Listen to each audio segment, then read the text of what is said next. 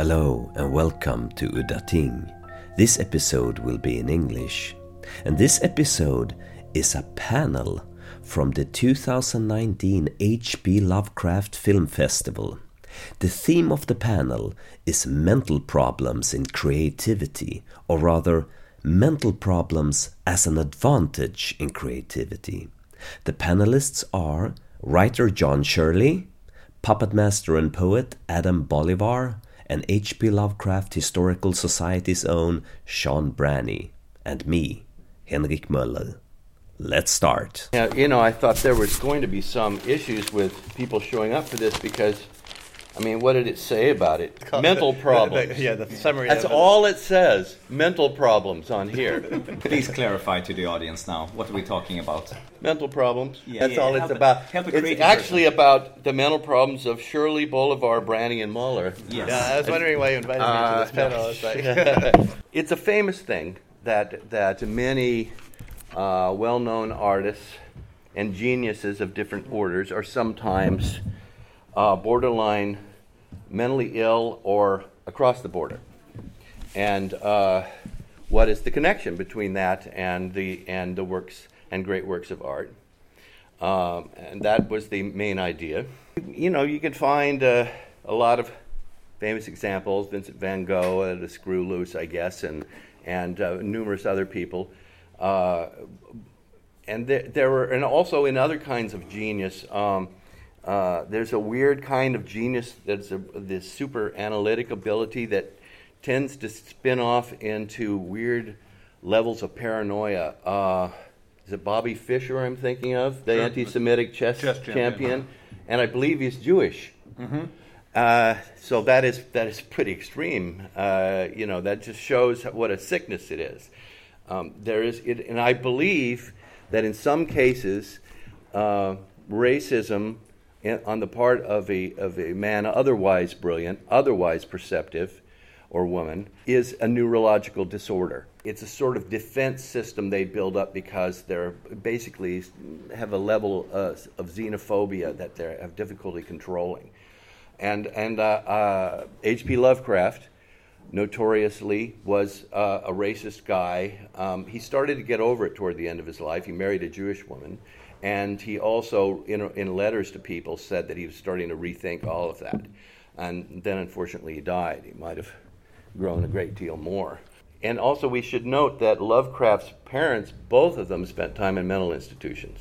His mother had some kind of inherent problem from the get go. And his dad actually seems to have, we infer he may have gotten syphilis, and that damaged his mind. Um, but it also, he was a, he was a bit uh, ex- extreme in his thinking, apparently.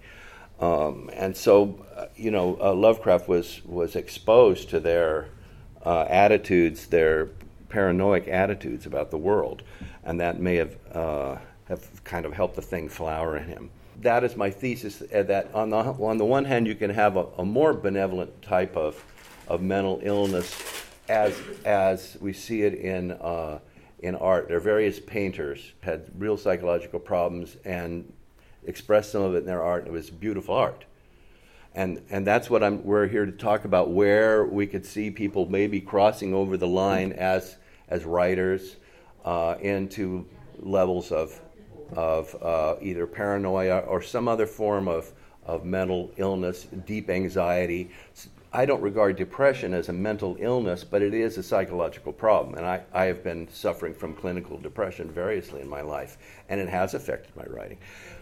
Vonnegut said that you cannot be a real writer unless you're seriously depressed. That was his point of view, but but you know I, I know what he means. So we could we could look at some of those, and now Adam will tell us everything else we need to know. sure. Well, yeah. Well, we touched a little uh, about uh, Lovecraft's uh, the case, whether or not he was insane or not insane, or his history of insanity.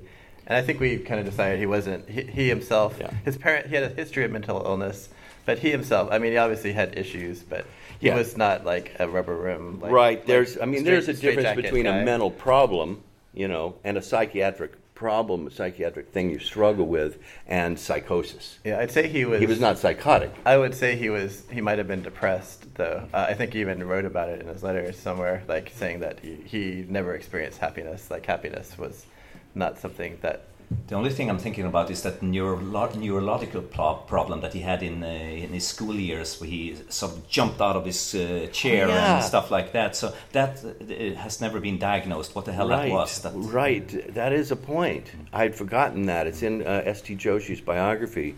Uh, discusses that a little bit, uh, I- or refers. to I kind of wonder if he might have been on the autism spectrum too, because he seemed to be very convinced of his views no matter what, and he didn't really listen to what anyone else said. And of course, autism is differently abled. And anyway, it's not a mental illness per True. se. It's True. uh, in some extreme forms, it's it is very difficult for the people and their families. But but um, the majority of the spectrum people, you know, they they they are sane people. It's just that they have to work around some. Uh, kind of issues of perception and relate and ability to relate to people that uh, Right. some people find more easy. But he sure wrote about insanity a lot. It was a favorite subject of his. He seemed to be fascinated by it, and or afraid of it. Or afraid yeah, of it. I, I, I think uh, a couple things that, that I think, based on what you guys are saying, uh, is I think so much of Lovecraft's creative impulse, I think, and what he was writing about as a horror author was what he was afraid of, and and those manifest itself in two pretty palpable ways throughout the entire canon of his work. And one is is insanity. Lots of his protagonists become unhinged through what they discover. And I think because of what had happened to his parents, the notion of falling from him, who was a very sane, rational person and cherished his rational mind, the notion of losing that was incredibly unnerving to him. And so that becomes one of the, the sort of um, antagonistic features throughout his work Right. is the notion if you learn too much, you will go insane. That's a good point. Yeah. He, he, he, he does come back to that again and again as if it bothered him, as if he was worried about it. Yeah, afraid that'll happen. And the second thing that that ties into the racism, I, I believe anyway, is that you know Lovecraft was born into an incredibly affluent family in a beautiful house. He comes right at the end of the glorious era of the Lovecraft family, and really from the moment of his birth, his fortunes and the family's fortunes just plummet down downhill until you know he's living in penury at the at the very end of his life.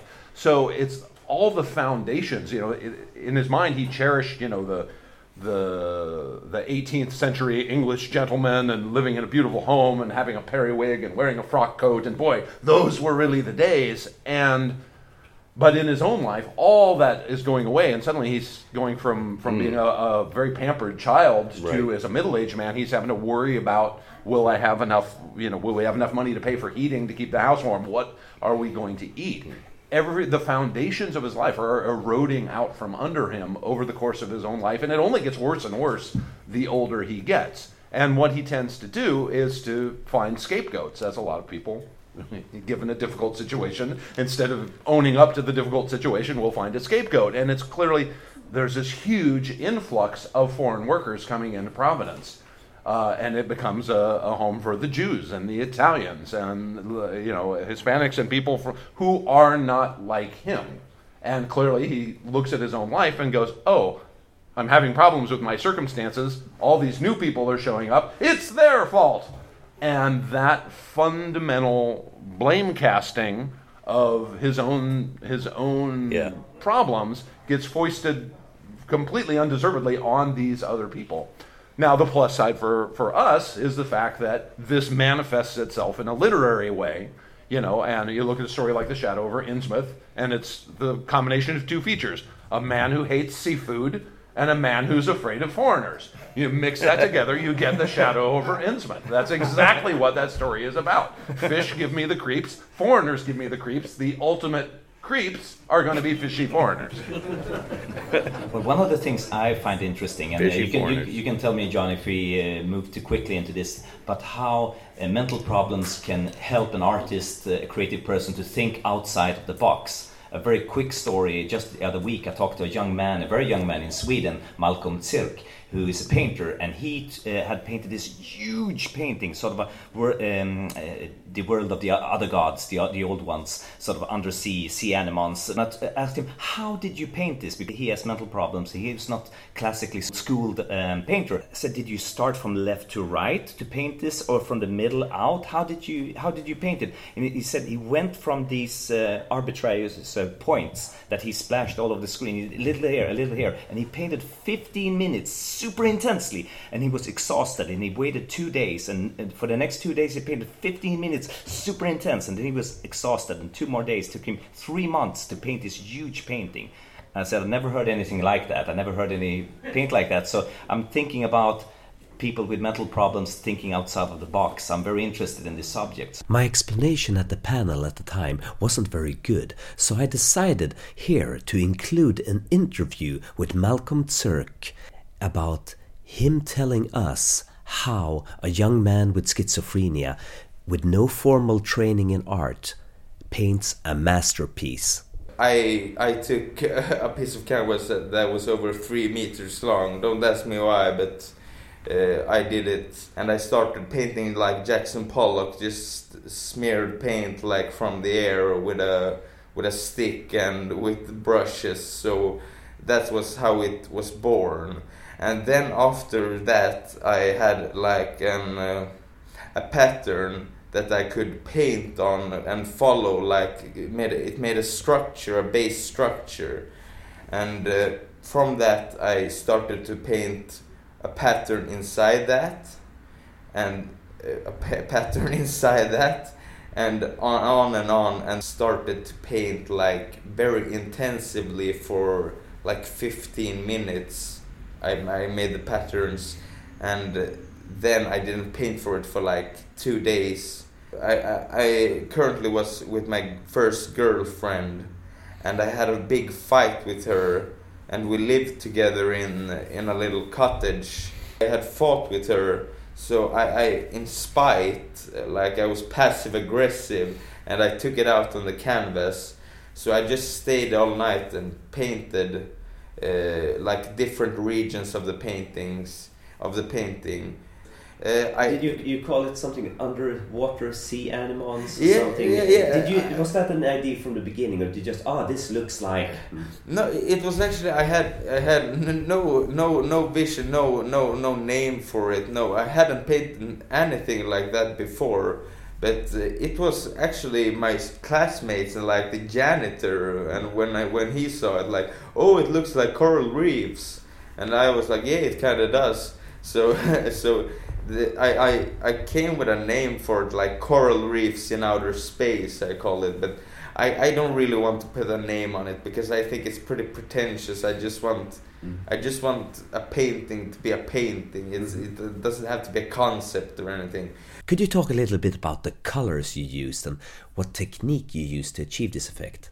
You have to uh, work with contrasts, and that's why I use like a dark uh, shade of uh, purple, for example, or turquoise or blue. I paint a bit, little bit of that, and I made a pattern or a form or something, and then I go and make like flower patterns with a with a yellow white uh, uh, color that's called uh, Naples yellow white. It's one of my favorite colors because I use it in almost all of my paintings now when I use patterns because it, instead of just white it makes it like kind of fiery with the with the tint of yellow in it. When you saw it, Henrik, you, you you almost could see like it was 3D almost mm-hmm. because but that's with all the layers of patterns. And I can't really recall how I really managed to make that painting because oil paints, if you mix too many colors, it it becomes uh, brownish, grayish. But I, I managed to like overcome that in the way I painted it. I, I don't know really so how I did it. invented this technique as you were working. yeah, exactly, exactly. And and and another and uh, another funny anecdote about the painting was like I I always started painting it with music in my ears.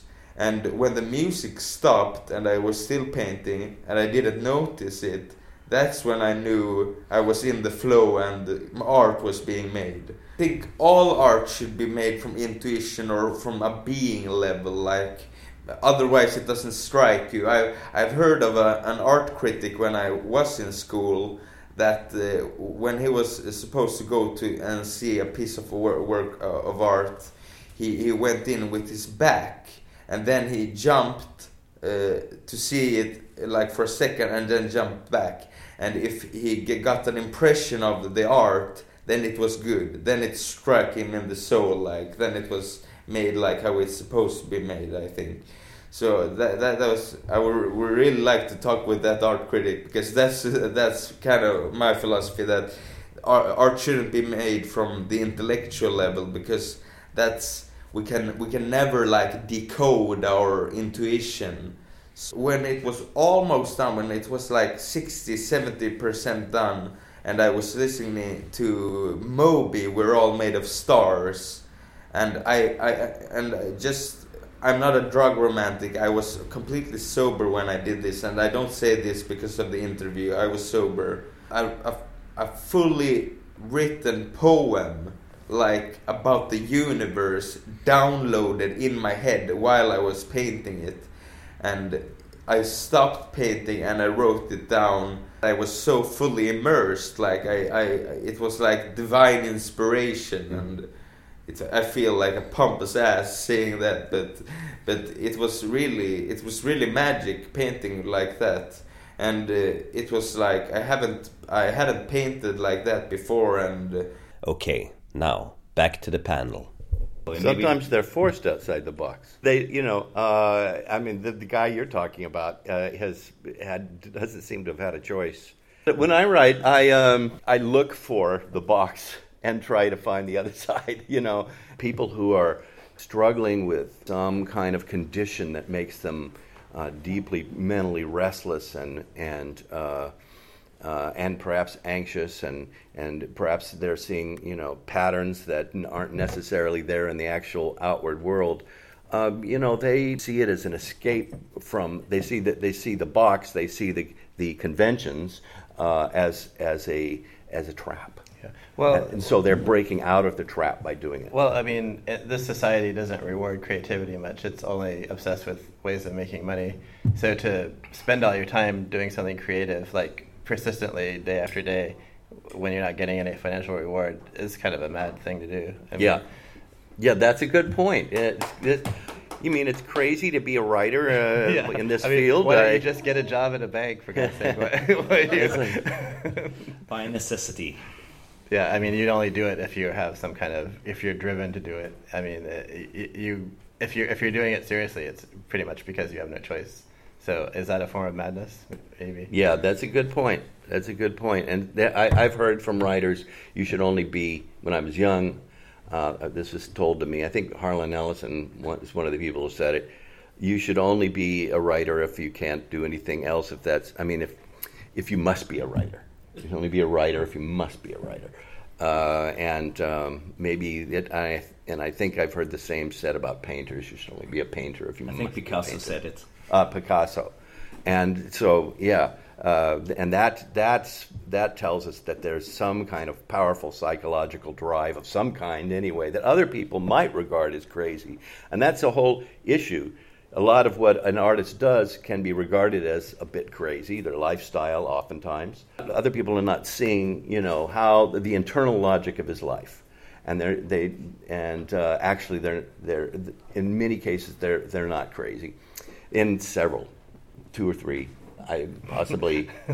I think I think Lovecraft, uh, like you were saying, he like imagined himself an 18th century gentleman walking around with a periwig and a frock coat, even though he was like living in an attic eating canned beans. Like he was obviously living in a fantasy world, and a lot of writers. Well, I, don't, I, don't, I, don't, know that. I'm not I've sure I agree that. with that. I, th- I, think he wished he were uh, a wealthy 17th century is gentleman with right. a periwig, but I don't I don't think he ever actually yeah, I don't thought think he, he actually was. like uh, he just thought that. I think for him it was like oh, those were the days when when you know architecture was beautiful and there was law and order and the British had brought civilization here and the foreigners hadn't shown up yet. Ah, those were the times. And I think he romanticized uh, an era. One, one thing I did, did want to bring up from what you were talking about before too is the impetus to be a writer or a creative person. Uh, uh, Lovecraft obviously had it, and and it was a driving force in his life. But the flip side of that comes fairly late in his career, where his confidence becomes so eroded, he basically gives up on fiction. By by 32, he's like, I suck at fiction. I should just stop writing it. My stories are lame. Nobody likes them. Nobody wants to pay me for them. I guess I'll just switch to, to I'll write some poetry and see if that goes anywhere. But you know, it, it's such a shame that as he's hitting the zenith, you know, right after he writes at the Mountains of Madness, you know, he he's really, if, you read his works in chronological order, it's like he's really come into his own and he's kind of quit imitating other writers and he's got his own thing going and it's really working for him. But he doesn't feel it himself. And as a result, he, he's like, you know, I should just give it up. You're reading some of his own assessments of his work are just heartbreaking because he sees himself as such a failure and wants to quit writing. And that's late in his career. He's basically not writing fiction. He's writing some poetry and he's corresponding with his friends because that's what brings him pleasure. There, there was a great masterwork of his that was published only after his death. They, uh, was it The Mountains of Madness? Uh, no, it was Char- uh, Charles Dexter Ward. Is at Charles least one of his Ward. major works. That and, and and that was one he had the manuscript sitting in his desk drawer, and it was so long he didn't he hated typing. He didn't want to type it, so he never typed it. So he never sent it to any publishers to even look at. And it wasn't until after his death that, that they're like, "Holy cow! Look at this! You know, here, here's one of Lovecraft's longest stories. One of the only two novellas that he wrote." That he just didn't think it was good enough to bear the amount of effort it would take to type it, and so it's It's interesting that so many people came to a group. Uh, uh, sorry, I didn't mean. I thought you. That's okay. Uh, that so many people came to a panel called "Mental Problems," and when it, all it says is mental problems, and and yet you're all here. What drew you? I wonder. Trying to find like-minded. yeah. You're all here for You found here, him. aren't you? found him. Lovecraft, Lovecraft may not have been no, you're right. You're right. mentally ill himself, uh, but he seems to uh, be uh, liked by people who have mental problems. like he seems to attract these sort of recluses uh, and shut-ins that like people keep thinking that he is like. Yeah, well, I think people, you know, see a sometimes a, a like-minded soul. He's a he's a clearly you can't read Lovecraft and realize this is not a really bright intellect at work here, whether you like him or not. And you know, some of some of his things about his sociological views and things may, may be repugnant, but you're like this this is a this is a Oh yeah. bright guy with an incredible imagination, a, a, a love of, of science and rationality, and somebody who's, who's here to spin a spin a great tale. And I think a lot of people do find people who are, you know, may find themselves as social outsiders feel when they read Lovecraft's voice like they're reading a kindred spirit and go, yeah, there's something about what this guy's saying that that works for me. Yes. Yeah, people people nowadays only value results and they like want to drive you to work, work, work. And I think to be a good writer, you have to have time to dream. You have to kind of like you know allowed to be have sort of a time to reflect. Maybe even days or weeks where you don't do much. Very just good sort of think about things. I don't know. I think I think someone who's really really crazy probably wouldn't be a good writer, but someone who isn't crazy enough wouldn't be isn't doesn't have isn't a good writer either. I think I think it, you have to be able to like kind of cross the line and then be able to come back and bring back you know sort of on a shamanic quest. you know, Yeah. To like go go get the material, but then bring it back and not like be stuck there. Well, and, and I think writing fiction requires, uh, well, I shouldn't make a judgment there, but fiction generally thrives when there's a sense of structure. Uh, we look for stories that have a beginning, a middle, and an end. And it's like you, ha- if, you're so outside the box, you can't ever write a story that ever ends, or they don't have beginnings. You know, it doesn't tend to resonate with an audience who just goes, "This is just a strange stream of words." You know, we as consumers of literature tend to like some structure to it, as we do with our motion pictures or plays or whatever. We like so there's something inherent about us or how we've been enculturated that we go something a story with a beginning, middle, and end is more satisfying than just some stuff happened. Um, Hashish and- Eater by Clark Ashton Smith instantly comes to mind. That's a masterpiece, but that's exactly what you're talking about. Yeah, uh, and generally, th- th- those things that have that sense of structure, uh, you know are more likely to find an audience. And for you know whatever mental issues are at work, love the rational side of Lovecraft's mind. You know, he's very much working on that, and he, and he also took a you know he was an avid reader. Uh, and took a lot of inspiration from the authors whose works he loved, you know, particularly Poe. And you know, they're writing from a lot of the authors whom he liked are writing out of you know classical Aristotelian constructions of the shape of a story. And I think as Lovecraft adopted the styles of the writers he liked, he also picked up that, that sense of Aristotelian structure. Yeah, but he brought chaos and madness into And it. his own scoops of it, and- right, that and make his scoops stuff of it. out. And sometimes I think people who are attracted to it, um, they they need that that big structure, but they also have a desire. They're barely aware of themselves, um, and I'm talking about readers as much as anybody um, to uh, get break out for a moment from the uh, you know the labyrinth of, of the, the modern world or the, the human uh, human civilization or social expectations and and into little the little uh, foreshadowing or momentary exposure of, uh, of other possibilities. And some of them are, are frightening uh, and but some of them also are intriguing and are seductive you know and and so it's kind of like some i, I mean a, a lot of horror fans are actually you know really especially people who are fans of, of horror films.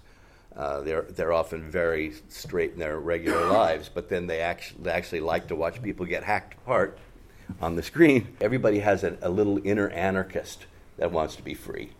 Yeah, and I, I think Lovecraft really tapped into that, and, and with some of his you know his gods and monsters that that there's the you know it's an incredible amount of chaos with something like you know Azathoth or you know there's a monstrous nuclear chaos at the center Right. of the universe. It's Right. like you know when you get beyond mankind, the structures mankind has built, it's just madness and free reign. It's the ultimate Dionysiac chaos Yes. that thrives Dionysiac, outside of our Yeah, little and it- sphere of it took construction. a, it, it took a very buttoned up like uh, apple pie order. doing Yeah, the- abs- in absolutely. In, order to channel that. Yeah, and that's would- that's one of the fascinating uh, contradictions about away him. I run a bookstore and I sell a lot of H.P. Lovecraft to people who aren't like us, aren't super knowledgeable about his past. And one of the things that I find really fascinating is how much people believe or want to believe that the madness in his work reflects the actual reality of who he was. Yeah, people want the legend to be true. It's it's I, and I don't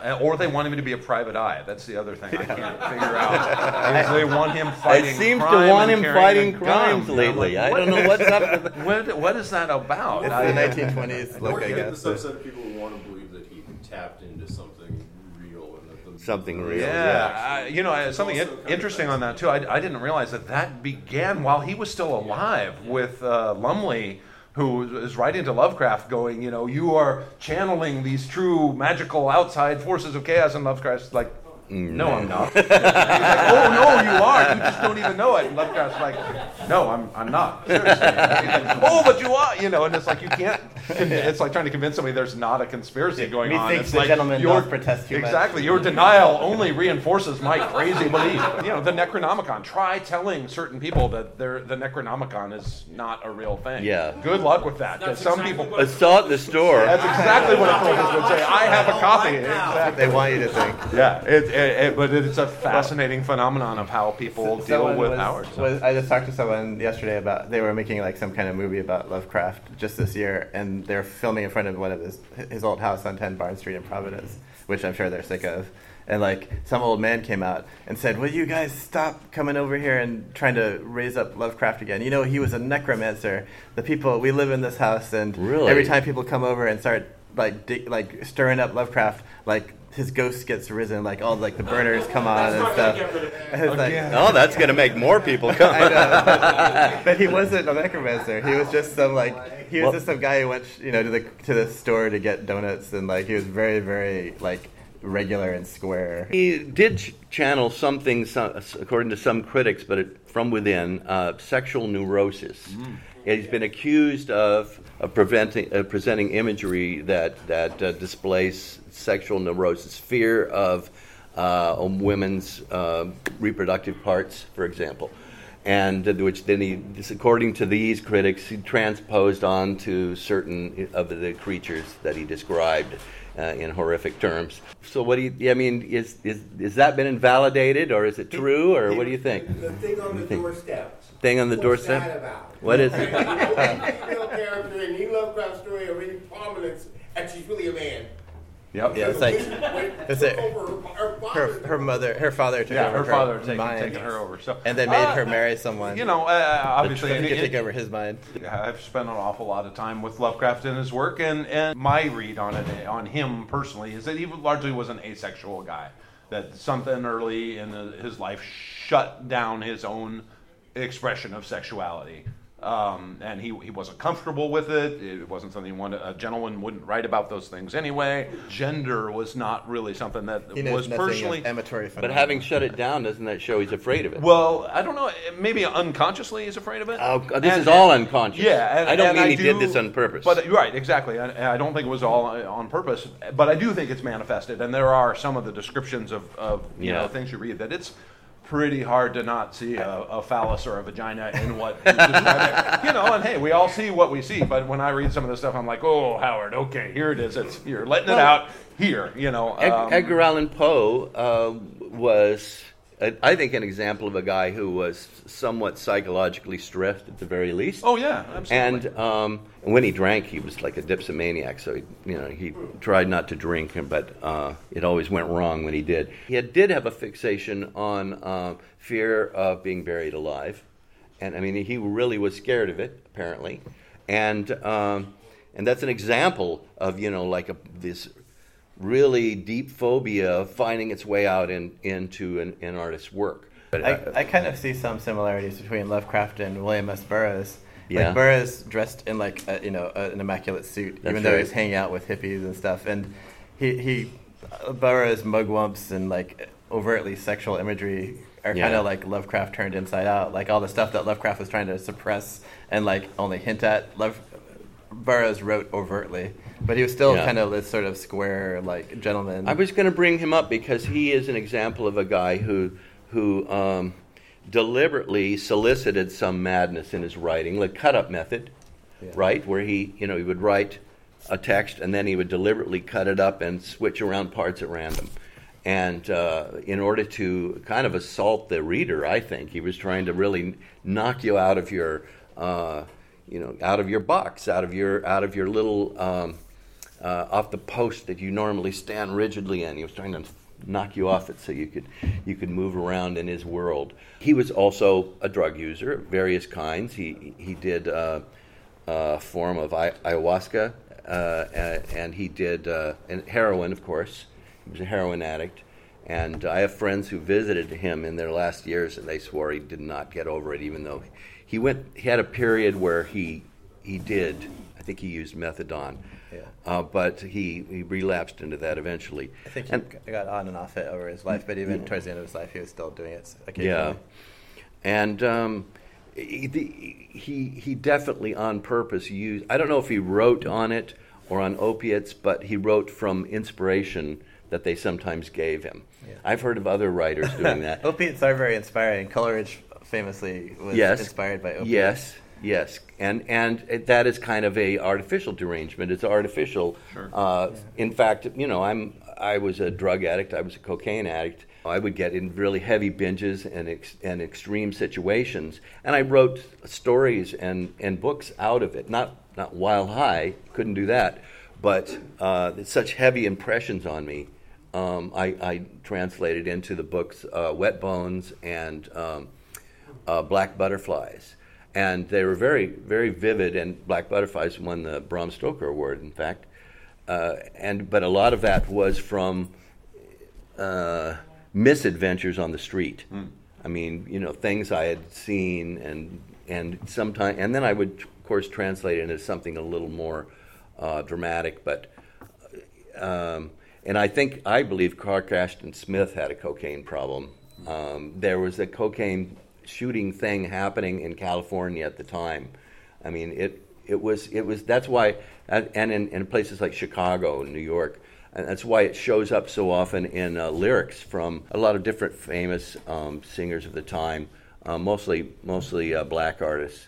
Um, they're talking about you know uh, Minnie the Moocher, like the lyrics for that is partly about people shooting cocaine, um, and very flagrantly, not hidden away in it or something. And Jack, And- Jack Kerouac wrote on the road just by doing lots of amphetamines, like Yes, in like amphetamines. or something. And amphetamines, you're not in a, a normal state. If you know any, you, if you know any tweakers, that uh, seems kind of rare, though, that you could do anything creative of worth on something like that on If, amphetamines. if you have enough What? gift and enough what, what the hell are you saying? are you mad? I mean, Philip K. Dick. Some of his Philip best K. works Dick. were, were written on amphetamines. It's true. sake, there's a lot of. Uh, well, I It's just true. I guess I'm saying you have to have the genius first. Like, just like I'm gonna go become a genius and do No, a lot of amphetamines. no, amphetamines. I- I agree, I it's agree. not gonna work. I just don't want to endorse drugs here. I used to think I couldn't write unless I smoked cigarettes, uh, and that was a big reason I didn't quit for a long time. And then I quit, and it's like, hey, I can still write. What do you know? it wasn't actually necessary That's after all. quite different. Uh, me myself, if I have one beer, I cannot write. Just one beer, Yeah. and it's all destroyed, and my creativity is blocked. So it works both ways, I guess. But Mm-hmm. for some people, as they, this gentleman pointed out, they need something to break through because they're afraid of something Right. to let loose. Right. Charles Bukowski was, yeah, Philip K. Dick is a great example.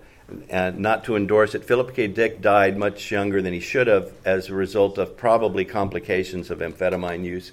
I don't think he was on it at the time, but he, it damages your, your blood vessels, and he had a stroke. Yeah. And a series of strokes, and he died. It did a lot more damage to Coleridge than, than it helped him. I mean, it helped him a Well, little bit. He got I, some. th- I think it inspired him at first, but then Yeah. it just like turned him into a That's what it is. opium Drug, that's what it is. Drugs are like a um, uh, Diminishing a, a loan shark. Yeah, Yeah. a loan shark. The loan shark gives you money. You're suddenly flush with money, and then he comes and breaks your legs later.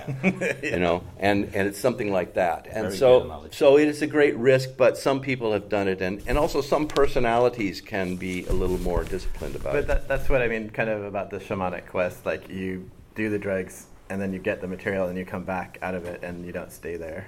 But a lot of people can't do the I think, part. I think Burroughs said it best because he said something uh, to the effect of uh, taking psychedelia. You only need to take it once. Once you've had it, you can go back there again. Once you had that experience, I experience. kind of know what that means. If you if you're really aware of what's going on in it, you can find the path in your in your brain to that greater uh, awareness and presence in the, in the Maybe present two or three times just to be sure. Yeah, Yeah. two or three. Yeah, just be. I got some. bene- I got some benefit from mushrooms in my life, so I don't. I don't. Uh, Yeah, I'm not saying- can be very. I'm not saying that psychedelics are of no use or anything. They can be. They can be. Also, you know, uh, one time I uh, uh, I took some and, I- and I tore up uh, my sleeping bag into tiny little pieces with my teeth. Then it was just this heap, really an entire sleeping bag, and it was it's like this, this heap of shreds. I thought that was just my dog who did that. And then I, right, well, I was I was in that went back to the my canine forebears. Um, what are your thoughts about Lovecraft seemed to have a hypersensitivity to both sound and possibly smell? Uh, and cold. Uh, he grouses more about the cold than anybody I've ever heard of, and, and would really claim, you know, that, that if it was too chilly, he would just kind of, almost like a cold blood thing. He'd physically get sick and really really shut down. I joke about it with the Shadow of Innsmouth and the, the fish and stuff, but it was like it wasn't just that. Oh, I d- he didn't would say, oh, I don't care for fish or I don't like it. You know, it would.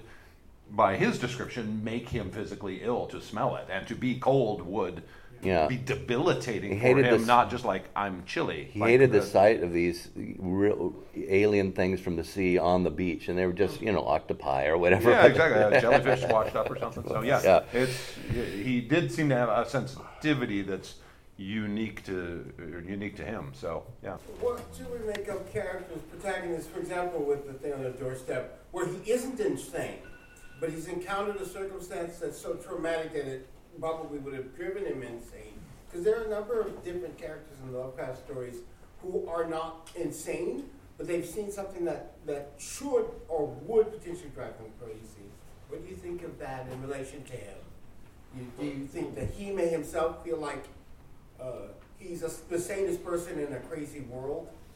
Sort of. Well, every crazy person thinks they are. Uh, one of the things I enjoy in Lovecraft are the unreliable narrators, and go, who, who, who who's telling me this story and why? And I think of you know Dyer in At the Mountains of Madness. It's kind of what you're talking about. He goes through this really intense experience, but by God, he seems it disturbed him, but he's here and ready to tell the truth as he sees it. But uh, Danforth, the graduate student with him, blew his mind, and he's in an insane asylum now. You know, Dr. Willett, who narrates uh, the case of Charles Dexter Ward, he goes through some really weird stuff, but by God, Willett seems to pull himself through. But several other people get knocked off to the loony bin during the course of Charles Dexter Ward. So, you know, I, I think so, sometimes it's a functional thing because it's who's telling the story. And if it's a crazy person telling the story, well, they're the worst narrators ever. You know, I think the only one I can really think of is kind of Rats in the Walls, where Delaporte tells the story and ends up completely right. gibbering whatever the hell he is at the end of it. You know, but right. but his mind is completely blown, which sort of makes you.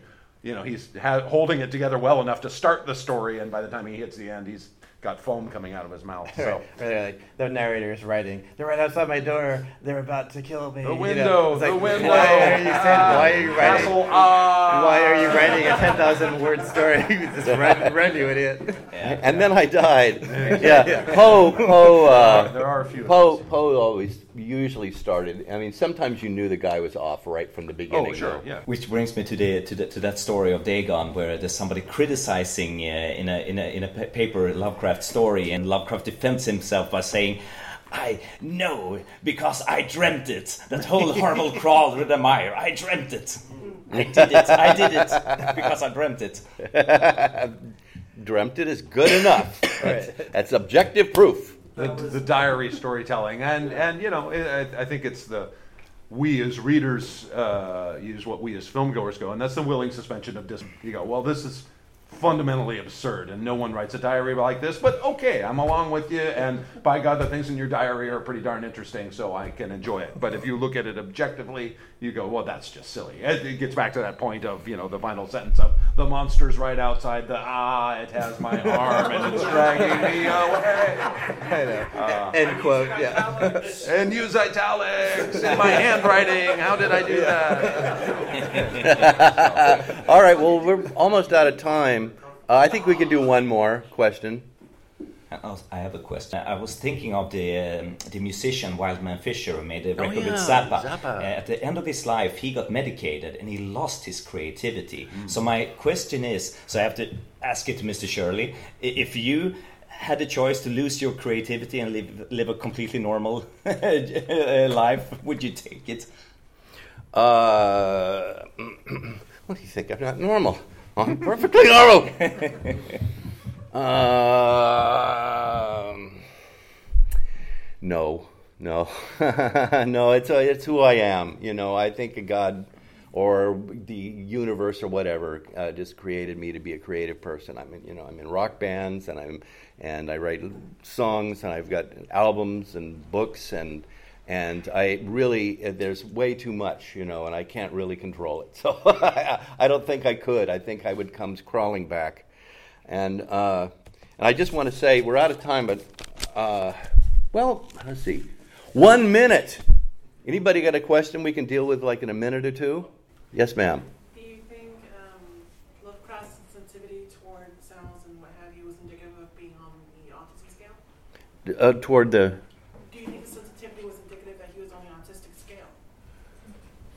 I, I, have uh, heard a, a, number of people posit that. I personally don't. I mean, I'm not an expert in autism, so I, I, I certainly am not perhaps qualified to do a posthumous diagnosis of him.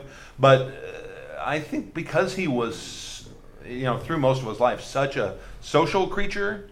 And, and you know, li- like people and like being sociable to to really uh, an extent quite beyond the I think the average citizen. That to me tends to undermine that argument.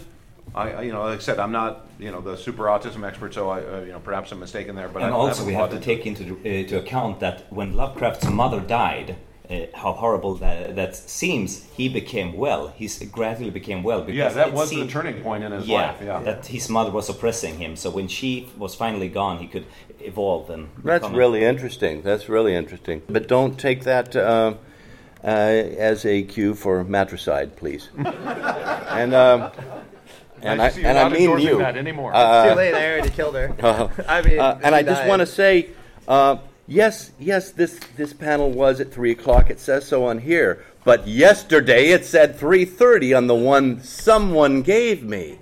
That's why I was late. And why did they want me to be late? Why did they go to the trouble to print the false one? Who are they? Who are they? Stand up and show yourself! Thank you for coming.